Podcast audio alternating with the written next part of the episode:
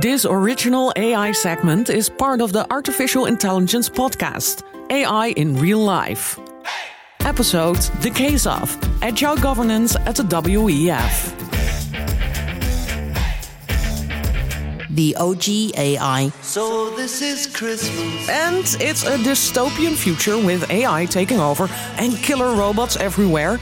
Or it's that mushy feeling of wanting to be human, with all those feelings and independence, caring for each other, which we all should do anyway, as the human beings we are. So, WALL-E forever. But what about one of the most human of human beings we got to have in movies and on TV? Robin Williams. In the 99 movie Bicentennial Man, Robin Williams plays Andrew, the NDR series housekeeping robot. The movie starts in 2005, which was not too distant future then, but is almost ancient history now. But the themes, the human themes, stay the same in the past and in the future. The plot of the story explores issues of humanity, slavery, prejudice, maturity, intellectual freedom, conformity, sex, love, and mortality.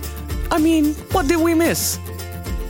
Now, one could argue what do we care about robots' feelings? But isn't that the whole point? Take some time to see Robin Williams as a robot and melt your heart. And then watch Wall E and feel some faith in humanity restored.